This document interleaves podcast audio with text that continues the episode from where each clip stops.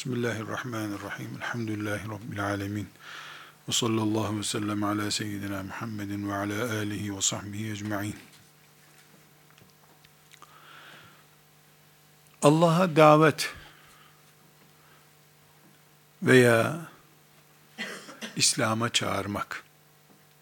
Adını ne koyarsak koyalım.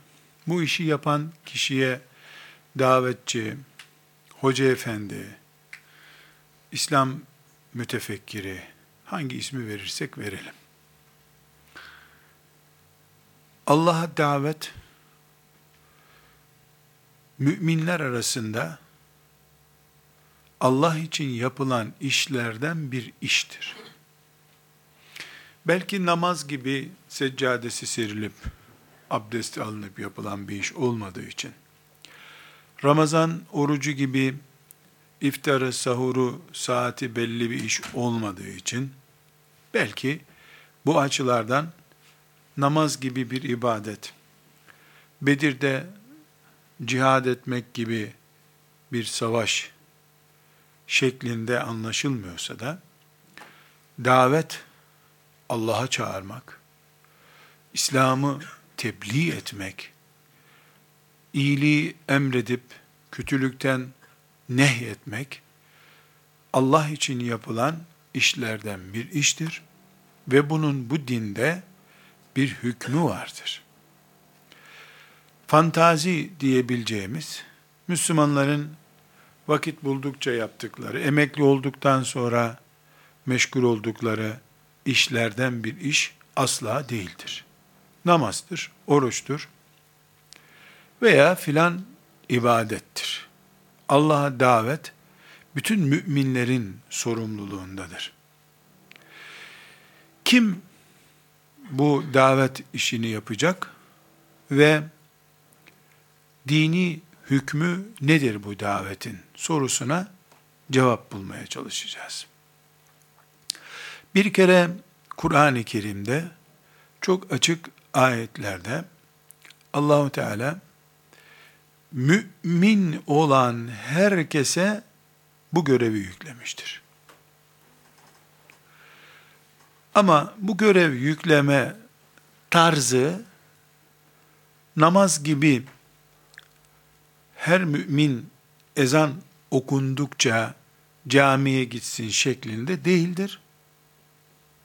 Bu nedenle zaten Allah'a davet etmek, emri bil maruf ve nehyanil münker yapmak cami hocalarının işi gibi algılanmıştır.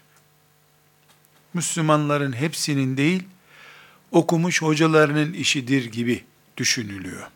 Biraz sonra ayetler ve hadis-i şeriflere girdiğimizde inşallah göreceğiz ki mümin sen eğer Allah'a çağırmak diye bir derdin olacak. Mümin değilsen elbette böyle bir dert olmaz. Ama ben müminlerdenim diyen Allah'a davet etmek noktasında neredeyim diye de bir muhasebe yapmak zorundadır. Aksi takdirde müminlik askıda kalır.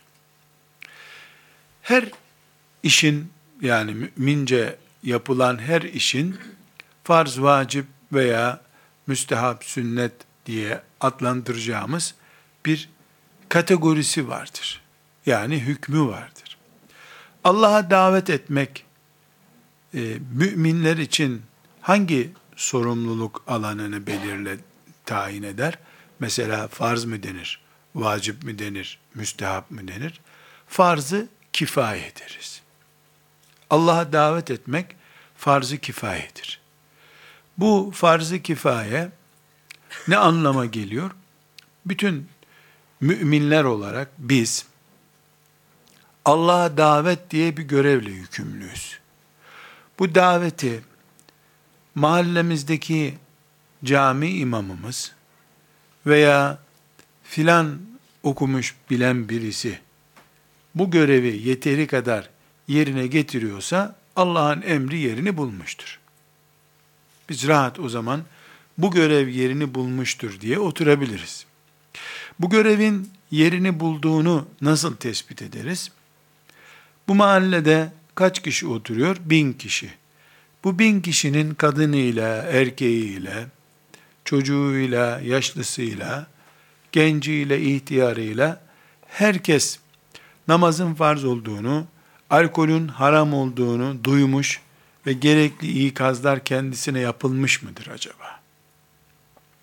Bu mahallede herkes defalarca alkol haramdır, e, filan kutlama çeşidi müminin için haramdır diye talimat duyduysa, günlerce peşine gidilip Allah'ın emridir bu namaz, namaz ihmal edilmesi sakıncalıdır, cehennem vardır ucunda dendiyse, meleklere iman herkese tarif edildiyse, Allah'ın kitabı Kur'an'ı okumadıkça Müslümanlığımızın anlamı kalmaz dendiyse, mesele yok. Bütün müminler bu görevden kurtulmuşlar demektir. Hayır, hala üç kişi, beş kişi Riyazu Salih'in okumak için bir yerde toplanıyorlar ama yüzlerce kişi Riyazu Salih'in nedir, hadis nedir, ayet nedir bilmiyorsa eğer, ne cami imamının varlığı, müezzinin varlığı, ne de orada 20 tane 30 tane hafız efendinin varlığı, kimseyi vebalden kurtarmaz. Herkes mesuldür o zaman.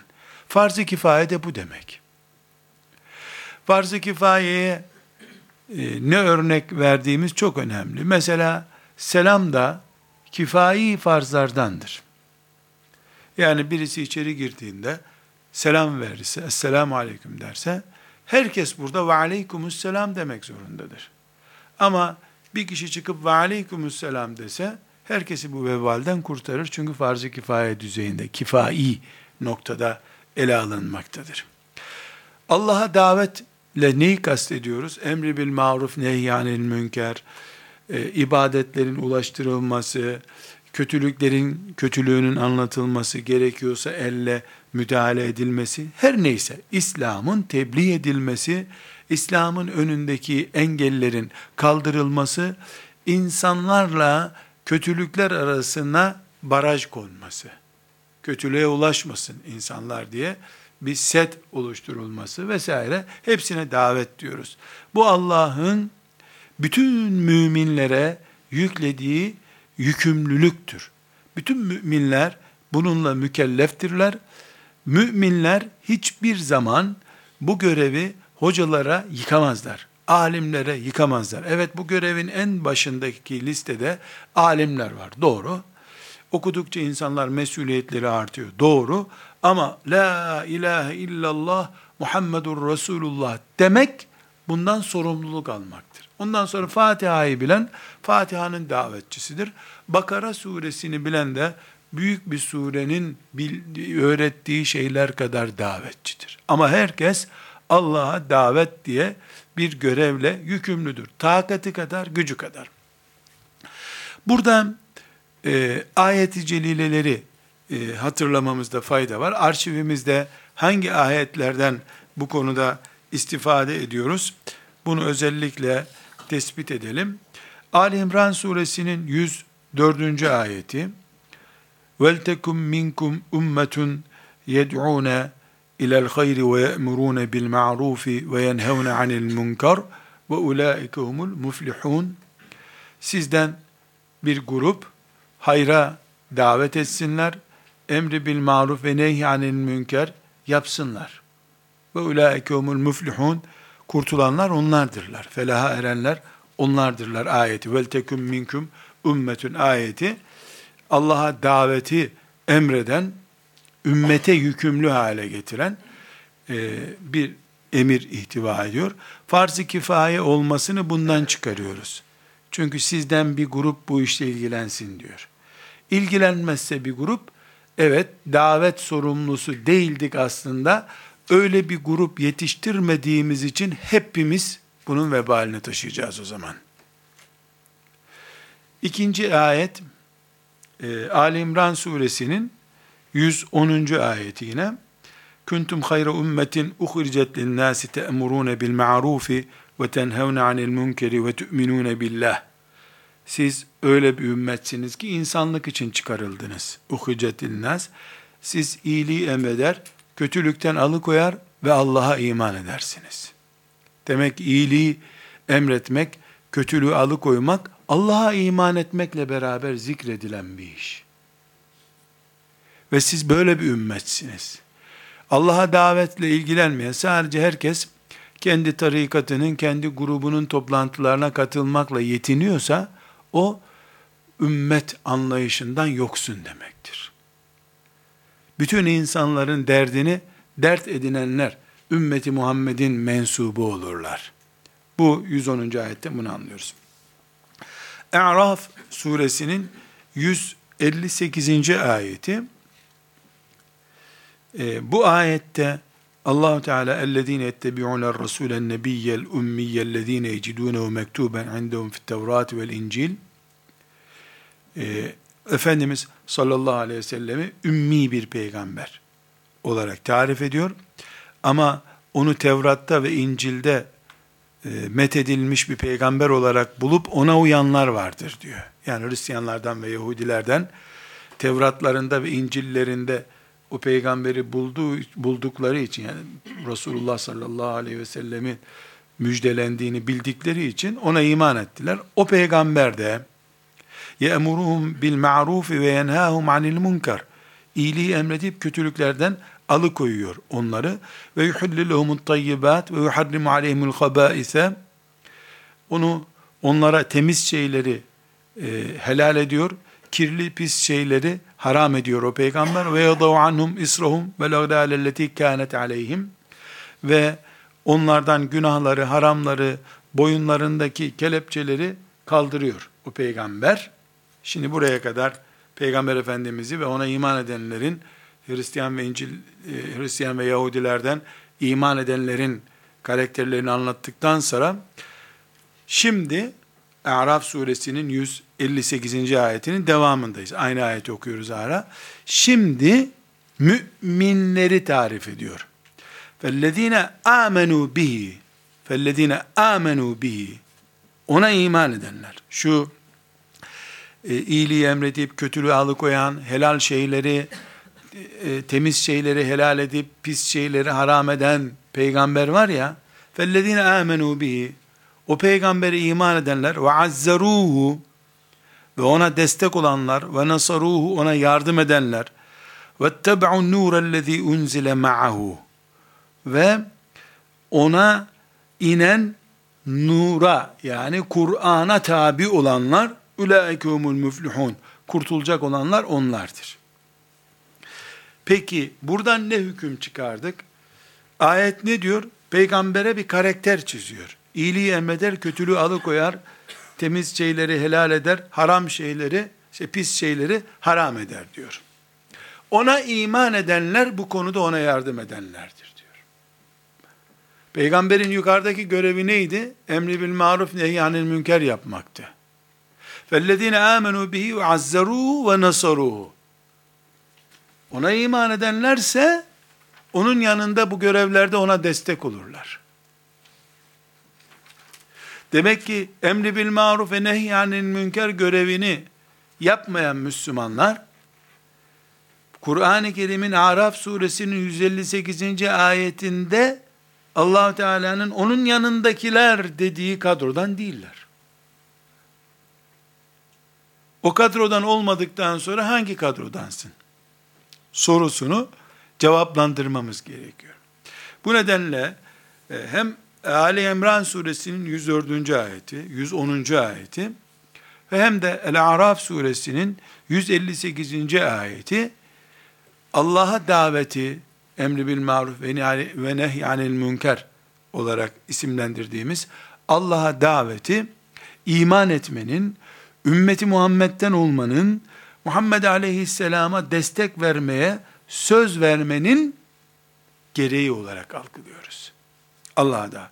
Ama bunu farz-ı kifaye olarak kararlaştırıldığı için 100 Müslüman yapıyorsa bir şehirde diğer Müslümanlar bu vebalden kurtuluyorlar.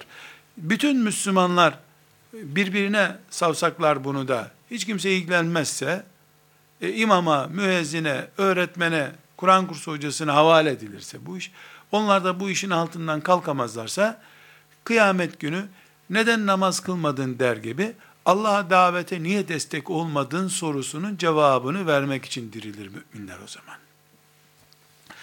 İkinci bir başlık e, Allah'a davet niteliğiyle ilgili herkesin doğal bir cevabı var.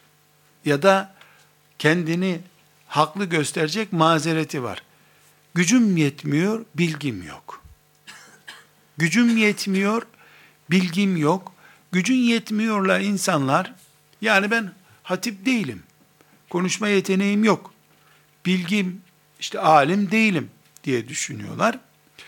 Ee, buna defalarca Musab bin Ümeyr'i örnek verdik. Musab bin Ümeyr, Kur'an-ı Kerim hafızı değildi. Kur'an inmemişti çünkü tamamı. Ee, hadis de bilmiyordu. Bin tane hadis bilmiyordu Musab bin Ümeyr. Hiçbir ilmihal kitabı da okumamıştı. Ama İslam devleti kurdu. Demek ki mesele bilgi meselesi değil. Bildiğin kadarının hocasısın zaten. Sen bildiğin şeylere davet edeceksin. Bilmediğin şeylere zaten davet etmen yanlış. Anladığın şeyleri anlatacaksın sen.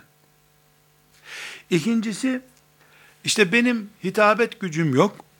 Çok basit bir cevap var burada. Ebu Bekir radıyallahu anh ki, Peygamber aleyhisselamdan sonra ümmetin bir numarası, iyi hatip olduğuna dair tek bir kanıt yok elimizde. Üç sözü bir araya getirip getiremediği de belli değil. Ali bin Ebi Talip ama müthiş hatip. Osman İbni Affan radıyallahu anh 12 sene ümmeti Muhammed'i idare etti. Filan konuşması şöyledir diye bir cümle duymamışsınızdır hiçbir yerde. 12 sene içinde şöyle etkili bir yarım saat konuşmamış demek ki. Cümleler ağzından kelime kelime çıkmış. Ömer bin Hattab'da fena hatiplik yok. O konuşmuş ara sıra. Ama Ebu Bekir radıyallahu anh'ın filan heyecanlı konuşması diye on satırlık bir konuşması yoktur. Ebu Bekir'in Allah'a davetteki yerini tartabilecek bir terazi var mı? Eğer hitabetle, konuşmayla, yazıyla ölçeceksek Ebu Bekir sıfır. Sonuçlarıyla, hizmetin kalitesiyle ölçeceksek Ebu Bekir'in önüne çıkacak kimse yok. Bütün ümmet bir kenara, Ebu Bekir bir kenara. Bundan çok net anlaşılıyor ki, Allah'a davette, iyi hitabet, kaliteli konuşma, bunlar şart şeyler değil. Yazı şart değil. Evet, faydalı, gerekli, Ali bin Ebi Talib'in konuşmaları, sözleri, belagat düzeyindedir. Yani, edebiyat açısından ele alınacak konuşmalardır ama herkesin Ali olması gerekmiyor. Davet, iman ve heyecan ister. İmanı ve heyecanı olan, hiç dil bilmese bile, çok şey konuşur. Çok şey anlatır. Bunun en kolay örneği ashab-ı kiramdır. En basit, en yakın yerde bizim yanı başımızdaki Antakya'dır. Antakya'ya ashab-ı kiram geldi. İnsanları İslam'a davet ettiler. Soru, Antakya hangi dili konuşuyordu? Rumca. Ashab hangi dili konuşuyorlardı? Arapça. Antakya'ya ashab-ı kiramdan beş kişi geldi diye, Antakyalılar Arapça kursuna mı gittiler bir hafta onları dinlemek için? Hayır.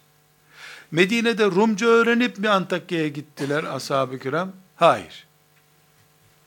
Peki, nasıl anlaştılar da İslam'a gel dediler? Nasıl? Cevap, dilleriyle değil, mimikleriyle konuştu ashab-ı kiram. Onlar da kulaklarıyla değil, gözleriyle dinlediler. Ve gaye anlaşıldı. Ömer bin Hattab'ın sağlığında Antakya ashab-ı kiram gördü. Ve gönülleri fethettiler. Çünkü İslam edebiyat dini değildir.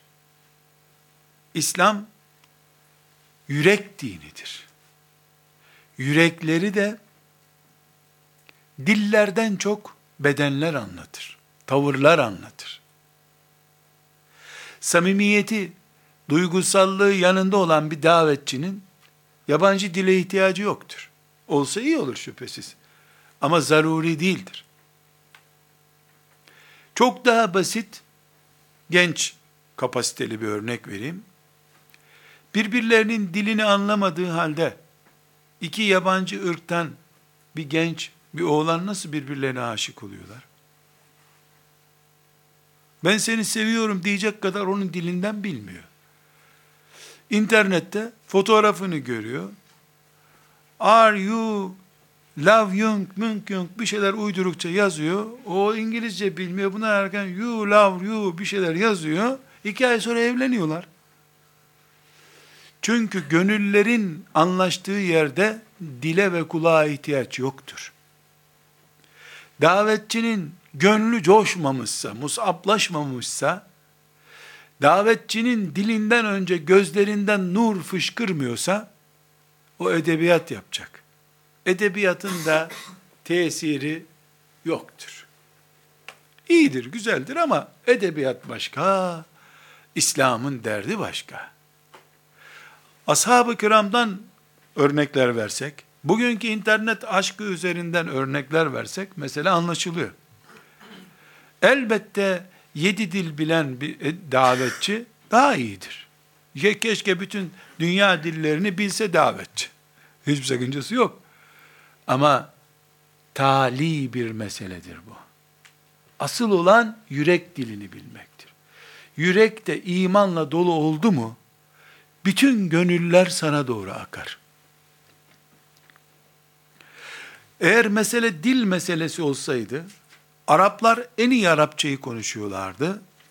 Kur'an da onların Arapçasının üstüne Arapça ile gelmişti.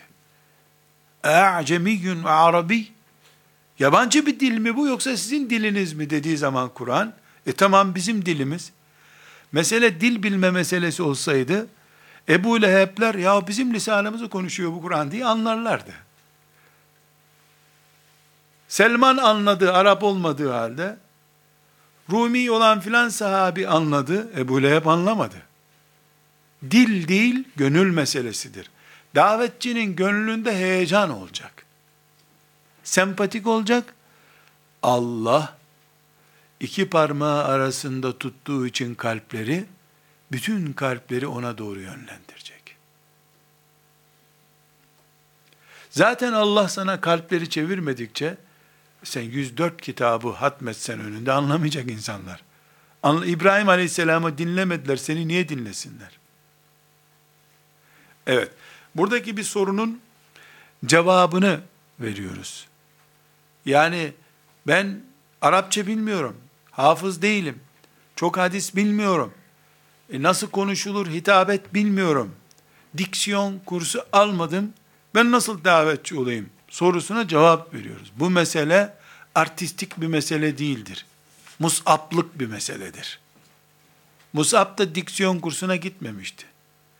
Ama olan Musab kafanı koparmaya geldim diyenlere bir beş dakika dinle beni koparırsın kafamı dedi. Musab'ın adamı oldu beş dakika sonra hepsi. O bir dinleyi ver beni sonra öldürürsün demesiyle gönülleri fethetti. Öldürmeye gelenler dirilip dirilip gittiler Musab'ın yanından. Koca koca konferanslar vermedi o. Gönülden gönüle taşınan mesajlar verdi. Ama anlaşıldı. Allah da tesir ve bereket verdi. Davetçiliğe bu mantıkla bakmadıkça kendi kendini yokuşa sürer insan başka bir iş yapamaz. Buna rağmen yahu bu bizim işimiz değil çok zor. Millet dinlemiyor. Benim zaten kapasitem belli filan gibi mazeretler uyduranlara fıkıh eksenli itirazlarımız var. Bunların birincisi, birinci meselemiz, Rabbimiz hepiniz dinime davet edeceksiniz diye bir görev verdi bize. Biz şuna iman ediyoruz.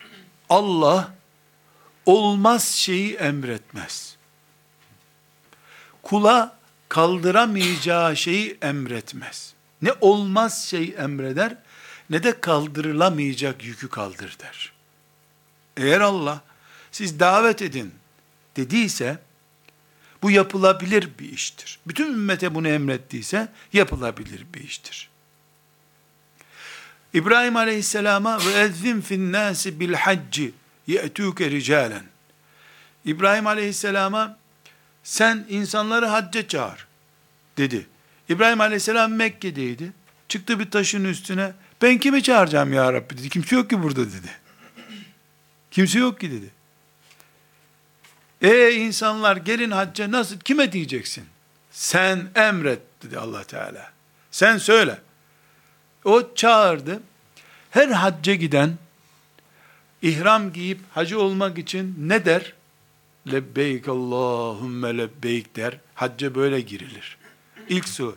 Lebbeyk ne demek? Buyur Rabbim geldim demek. Ne demek buyur Rabbim?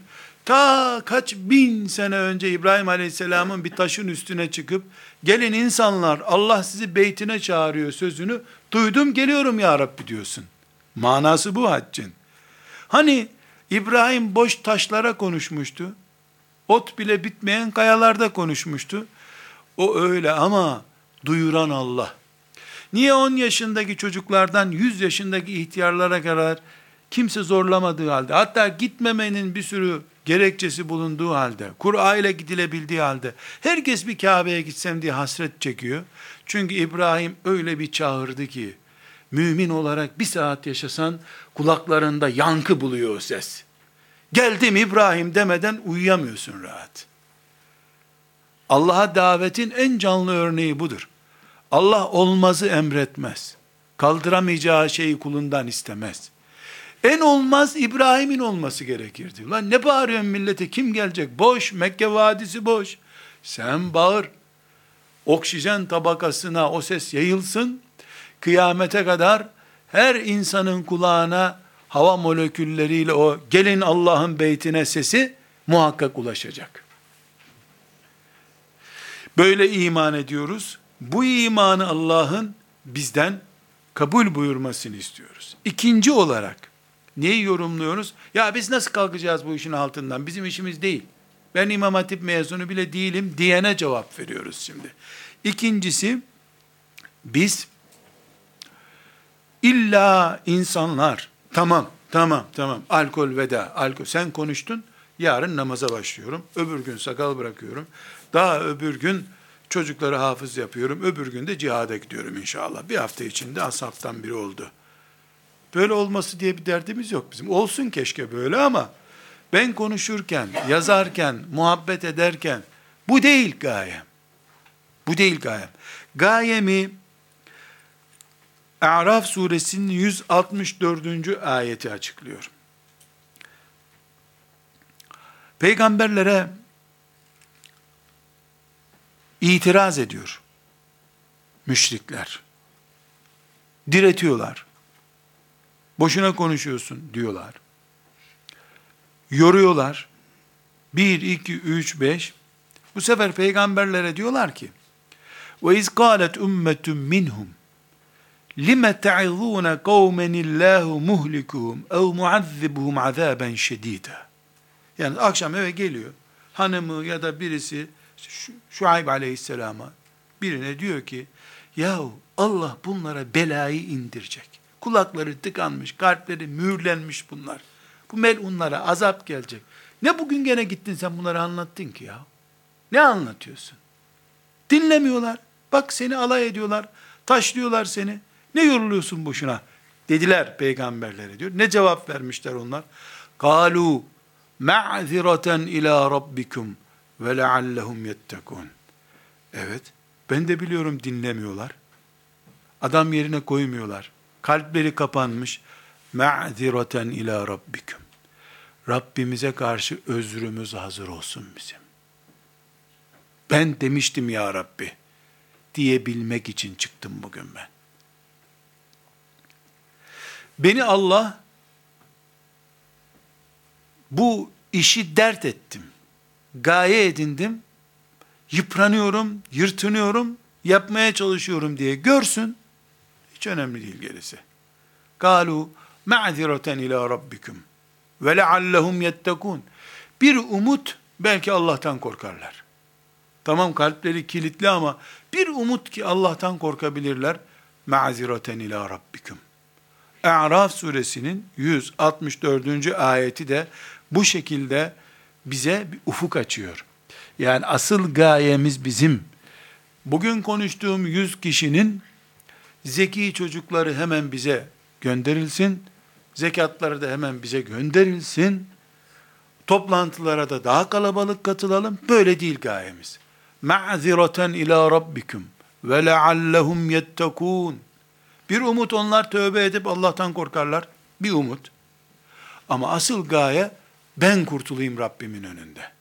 Çünkü bu davet bana yap diye emredilmiş bir şeydi. Ben bugün bu daveti yapmasam ben de suçlu olacağım. Ben kurtarayım kendimi. Ne yaparsa yapsın onlar. Diyor. Ma'zireten ila rabbikum ve leallehum yettekun bu demek. Neyi konuşuyoruz tekrar? Ya bu hoca işi değil miydi? Niye bunu bize yüklediniz ki? Niye bütün Müslümanlar bundan sorumlu oluyorlar sorusuna? Üçüncü olarak cevabımızda diyoruz ki, Resulullah sallallahu aleyhi ve sellemin, şimdi okuyacağımız hadisi şerifinde, Müslüman olduğu halde, Allah'a davetten muaf tek bir insan tutmamıştır. Ali, Ali İmran suresinin 104. ayetinde sizden bir grup bulunsun demişti. Bu okuyacağımız Müslim hadisinde ise Resulullah sallallahu aleyhi ve sellem Efendimiz iman etmiş her Müslümana görevindir bu diyor. Hadisi şerif arşivimizde bulunsun. Müslim'in 50. hadisi şerifidir.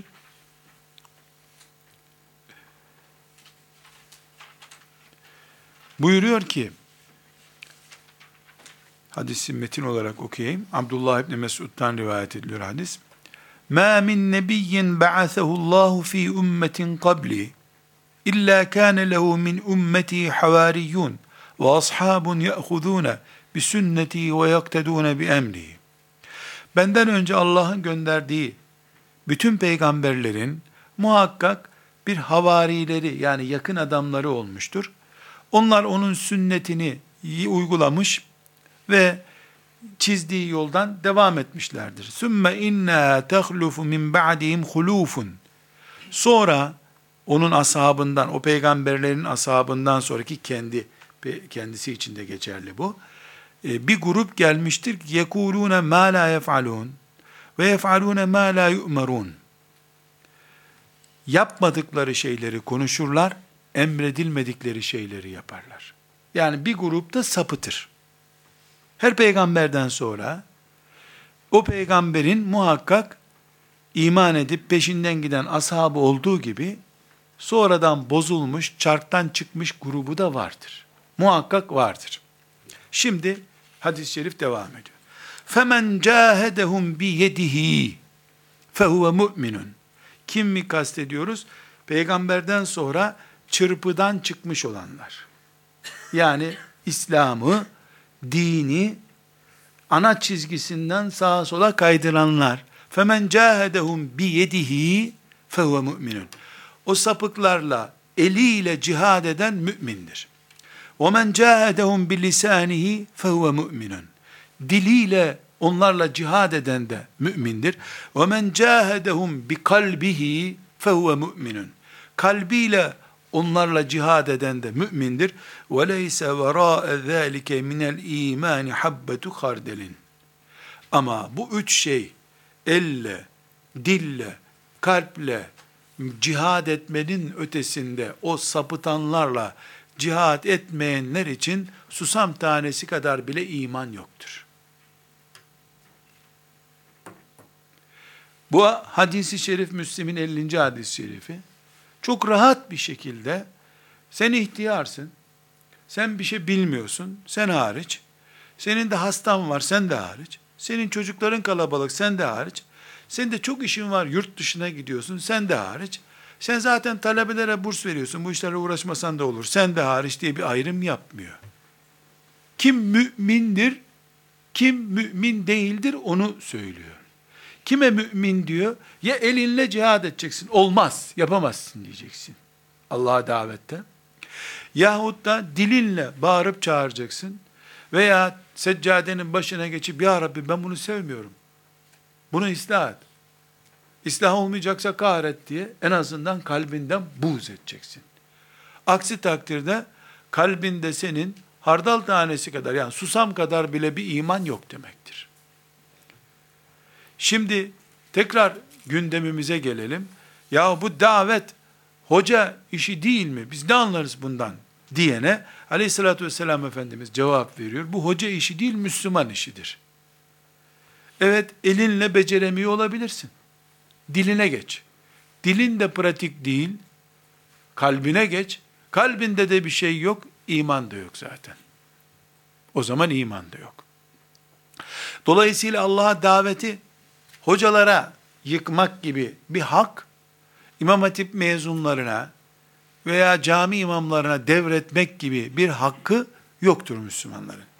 Böyle bir hataya düştüklerinde toplumun bütün fıskı fucurunu, Allah'a davet edilmemekten kaynaklanan hataları omuzlanmış olurlar.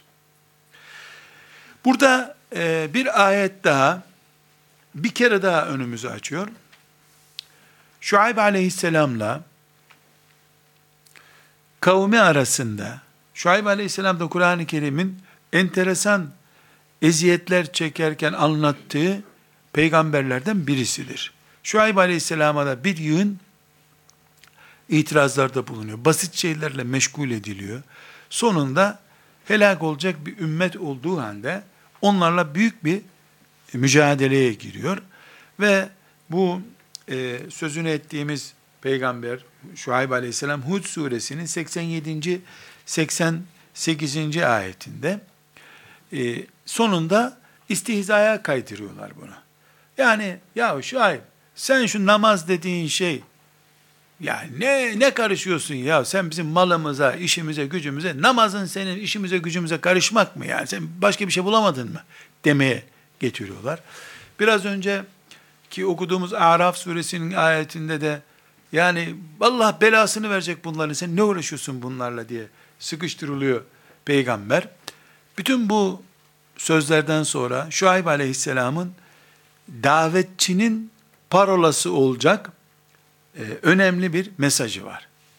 Orada diyor ki e, Hud suresinin 88. ayetinde İn uridu illel islaha mestata'at. Ben gücüm kadar düzeltmek istiyorum. Davetçinin parolası budur. Gücüm kadar düzeltmek istiyorum. وَمَا تَوْف۪يقِ illa billah. Benim başarmam da ancak Allah'ın yardımıyla mümkündür. Aleyhi tevekkeltu ve ileyhi yunib. Ben ona dayandım, ona sığındım. Demek ki Allah'a davette iki bu hani gücüm yetmiyor, beceremiyorum, ben hoca değilim, alim değilim itirazlarına iki çizgili bir cevap veriyoruz. İn uridu illa ıslah. Düzeltmekten başka bir derdim yok.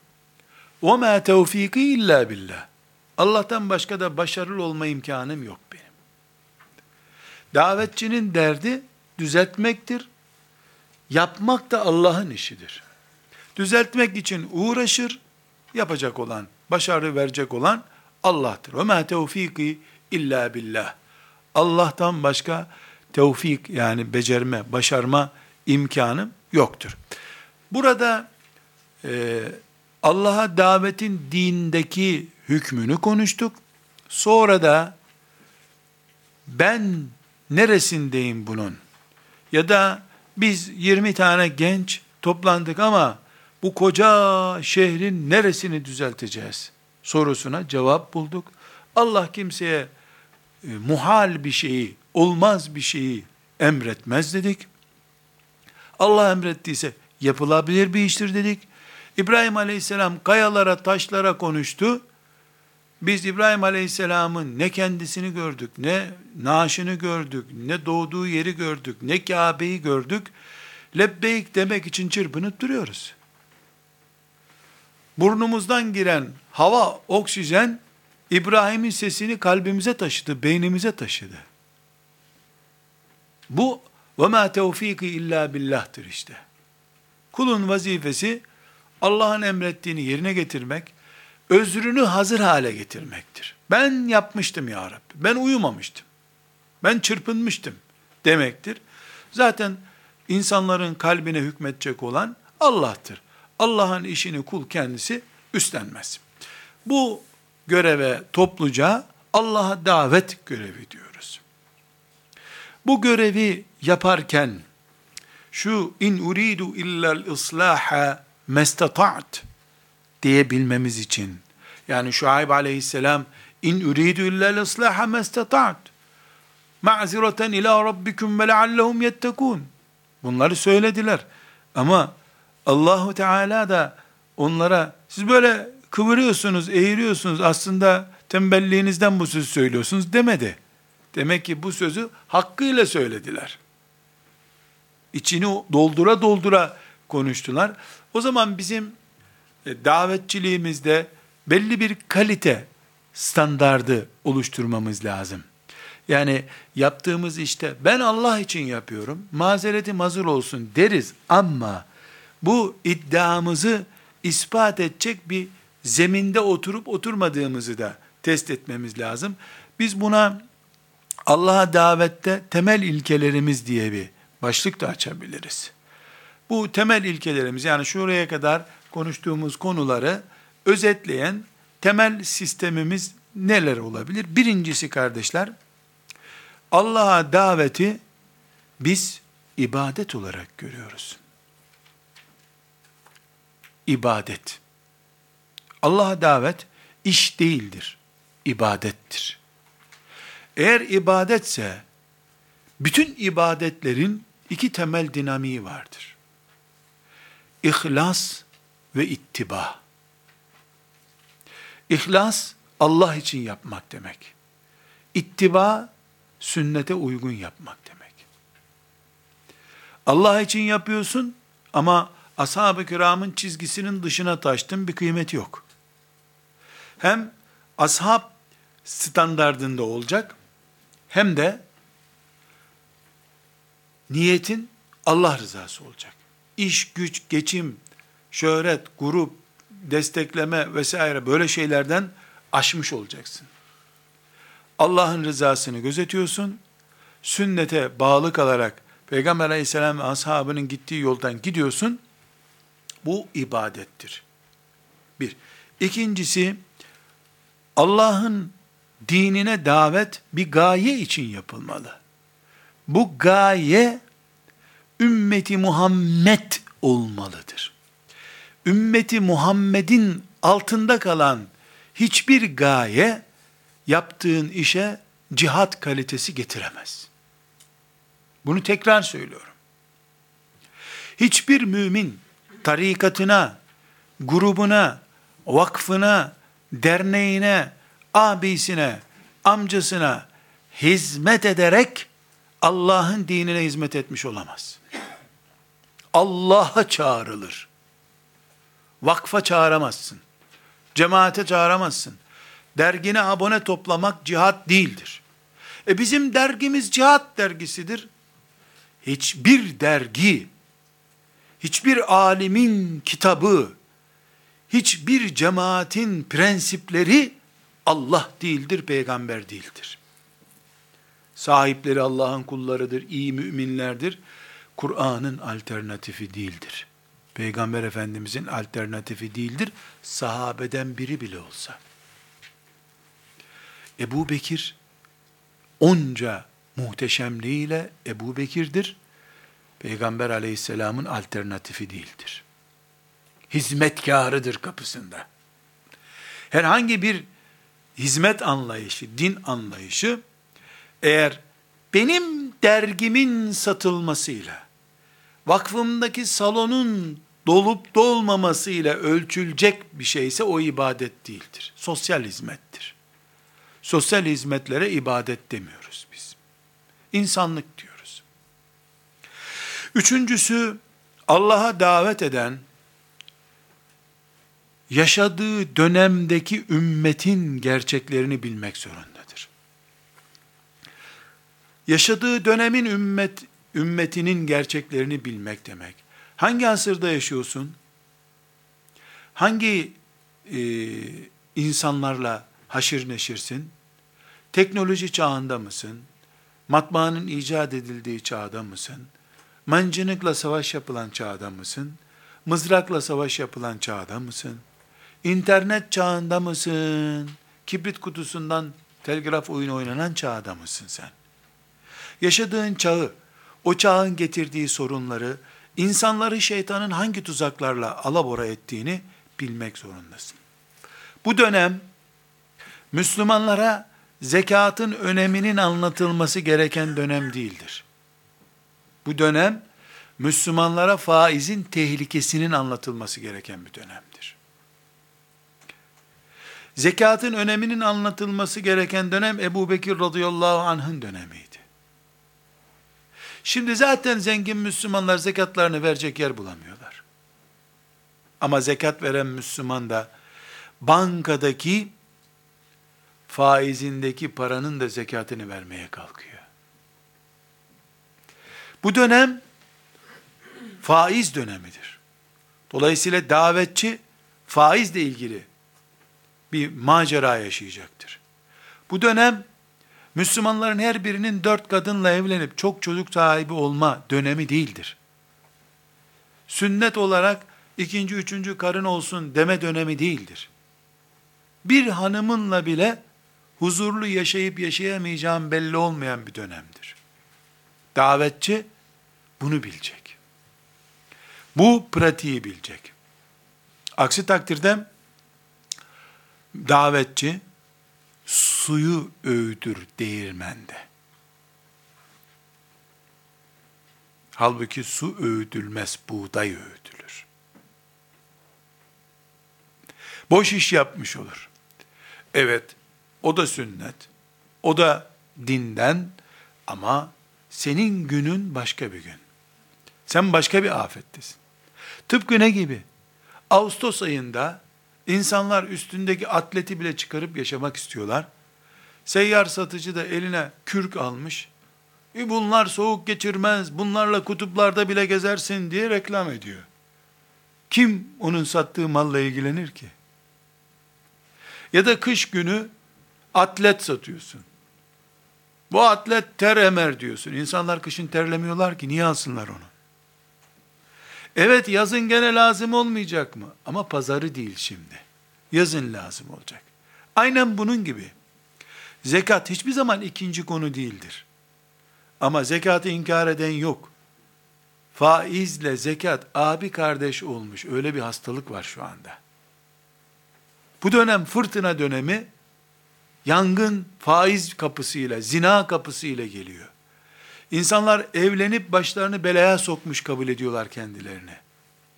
Kadınlar erkekleri düşman, erkekler kadınları düşman edinmişler. Senin davetçiliğin bu dönemin konularını yakalamaktır. Ve dördüncü konu olarak da kimi çağırıyorsun bunu bileceksin. Sen davetçisin. Yani doktorsun. Sen karşındaki insanın başı ağrıyorsa kaldır bakalım ayağında romatizma mı var mı diyeceksin adama. Kimin derdi nedir? Bileceksin karşındakiler. Çünkü üç sınıf insan var.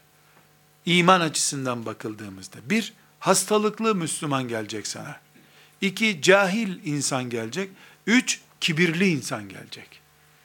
Bu bildiğimiz kibir, yani ayak ayak üstüne atıp oturan manasında bir kibir değil. Yani adam bilmek istemiyor. Öğrenmek istemiyor. Buna nasıl taktik uygulayacaksın? Bunu keşfetmen lazım. Biri gelecek, hiçbir şey bilmiyor. Anlatıyorsun, uykusu geliyor. Ona nasıl konuşacağını bilmen lazım. Öbürü gelecek, Ayşe anamıza dil uzatıyor. Mümin namaz kılıyor ama hastalık var, mikrop var bünyesinde. Fitne çıkarıyor Müslümanlar arasında. Şu yoktur İslam'da bu vardır diyor. Kur'an'ın bu ayetini boş ver, bu ayetine bak diyor. Filan hadisi boş ver diyor. Yani hastalıklı. Ona nasıl davranacağını bileceksin. Karşında ya hastalıklı insan olacak, ya cahil insan olacak, ya inatçı, kibirli insan olacak. Bunları tanımak zorundasın. Bir beşinci davetçi nasıl başaracak sözün in uridu illel diyebilmek için takip etmen gereken şeyleri konuşuyoruz. Kademelendirmeyi bileceksin. Kademelendirme nedir? Mesela teyemmüm dindendir. Ama ilk defa bir Müslüman olacak adam, sen de ona teyemmüm nasıl yapılır anlatıyorsun. Taharet bilmiyor ki adam sen teyemmüm anlatıyorsun. Taharetsiz çıkmış, istibra yapmadan tuvaletten çıkmış. Teyemmüm alsa, gusletse, zemzemle gusletse o namaz kılamaz ki istibrası yok adamın. Önce istibrayı, tuvalet terbiyesini anlatman lazım. Tuvaletten çıkardıktan bir hafta sonra abdesti anlatman lazım. Sonra günün birinde sular kesilirse teyemmüm böyle yapıp 6 ay sonra tarif etmen lazım teyemmümü. Sıralandırma ve kademelendirme bil, bilmen gerekiyor. Allah'a davet edeceksen. Mesela hırsızın kolu kesilir. Selamun aleyküm adam ilk defa geldi. Dün sarhoştu bugün ayıktı. Allah'ın emridir hırsızın kolu kesilecek diyorsun. Allah Allah. Daha namaz yok, oruç yok, zekat yok, din yok adamda. Kol kesmekten başladın. Sıralama, sıralandırmayı adamına göre konuşmayı bilmek zorundasın. Altıncısı davetçi teknoloji ve sistem olarak donanımlı olacak. Mesela ehliyeti olup araba kullanamayan, on parmak yazı yazamayan, teknolojik cihazların cep telefonundan e, bilgisayarına kadar kullanımını bilmeyen bir davetçi davetçi olamaz bu zamanda. Bu çağın adı telefon çağı, bilgisayar çağı, internet çağıdır. En basit örnek bu çağda mesela kısaltılmış rumuzlar kullanılmaya başlandı. İEA diyor. EFG diyor. ETG diyor. Ya bunlar Kur'an'da mı geçiyor kardeşim? Usulü fıkıh mı bunlar diyemezsin. Çünkü insanlar karayollarında bu yolda elektrikli denetim sistemi vardır diye yazmıyorlar artık. EDS yazıyor. Davetçi olarak da Allah Allah bu ne demek bir lügata bakalım dediğin zaman sen seviyesi düşük bir davetçi olursun. Burada bir tatlı hatıra nakledeyim. Bir arkadaş bizi evine davet etti. Orada da e, yani bir ıslah konusu vardı. İki abi kardeşi bir tür barıştırmaya gidecektik. E, çok modern bir apartmana gittik. Kapıda zil mil yok baktım. Numaralar var sadece. 1, 2, 3, 4, 5 tuşlar var yani.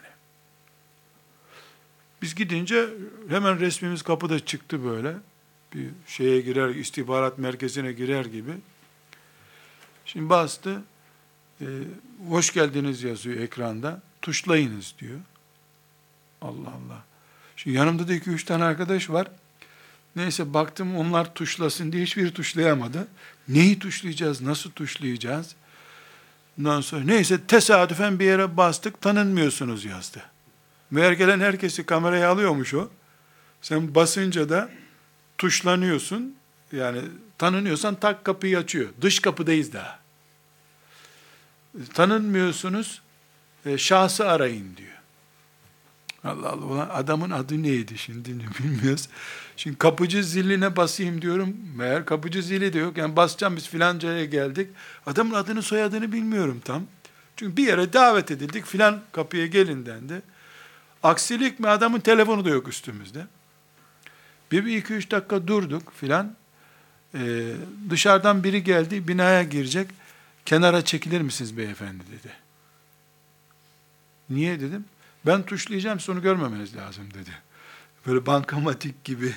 Biz kenara çekildik yabancı olarak. Adam içeri girdi kapının kapandığını kontrol etti gitti. Kaldık ortada biz. Dedim arkadaşlar burada Allah bize başarı yazmayacak adamın oturduğu binanın ziline çalmayı beceremedik biz. Adama ne anlatacağız biz burada ya? Bu adamın klasında değiliz biz. Evet, bu daha, ben ilk defa gördüm İstanbul'da öyle bir zil. Güya da çok hani geziyorum, görüyorum ama onu görmemiştim. Evet suç değil görmemem ama başarıya engel.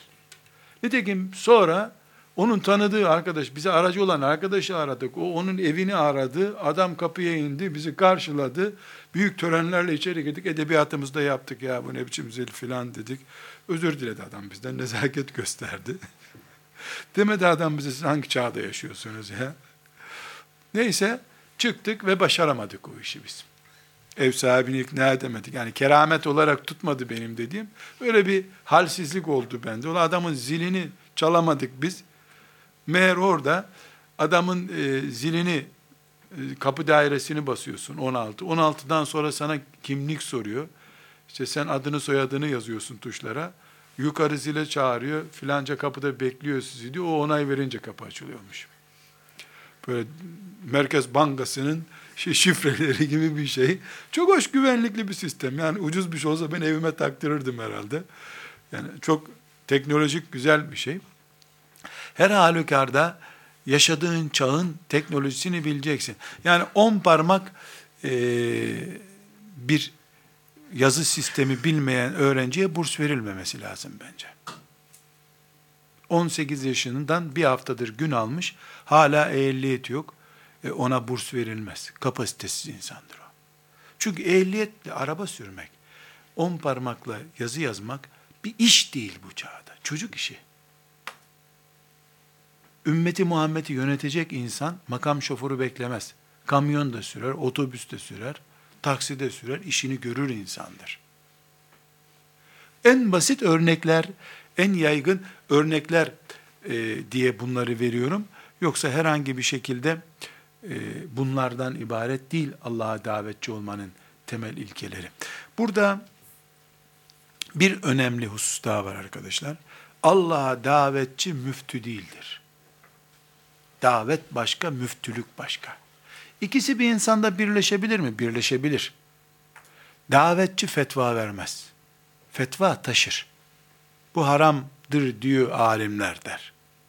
Müftülük Ebu Yusuf'un makamıdır. Zor iştir. Davetçi şehir şehir dolaşan insandır. Kolay kolay ondan müftü olmaz. Okuyamaz. Vakti yoktur davetçinin inceleme, araştırma yapamaz. Hazır fetvaları okuyabilir o. Hazır fetva okuyarak da fetva verilmez. Bunu da bir yedinci madde olarak kenara not edelim. Bu ilkeleri söz ettikten sonra netice şuraya gelmiş olduk. Ee, biz Allah'a davet diye bir görevle yükümlüyüz. Bu davet görevimizi e, herhangi bir e, sıradan sosyal iş, işte İmam Hatip Lisesi mezunu, ilahiyat mezunu olduğu için yapılan bir iş olarak değil, tam anlamıyla ibadet ve cihat olarak görürüz. Tam anlamıyla. Ne demekse ibadet o. Ne demekse cihat o şeklinde görürüz. Bundan bu ecri bekleriz. Rabbimiz böyle bir görevle bizi görevlendirdi. Bunu emretti Rabbimiz. Bundan e, beklediğimiz sevap, namazdan beklediğimiz sevaptır. Zekattan, cihattan beklediğimiz sevaptır.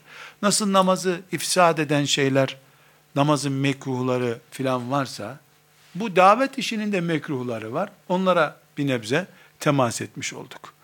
Ve sallallahu ve sellem ala seyyidina Muhammed ve ala alihi ve sahbihi ecma'in. Velhamdülillahi Rabbil alemin.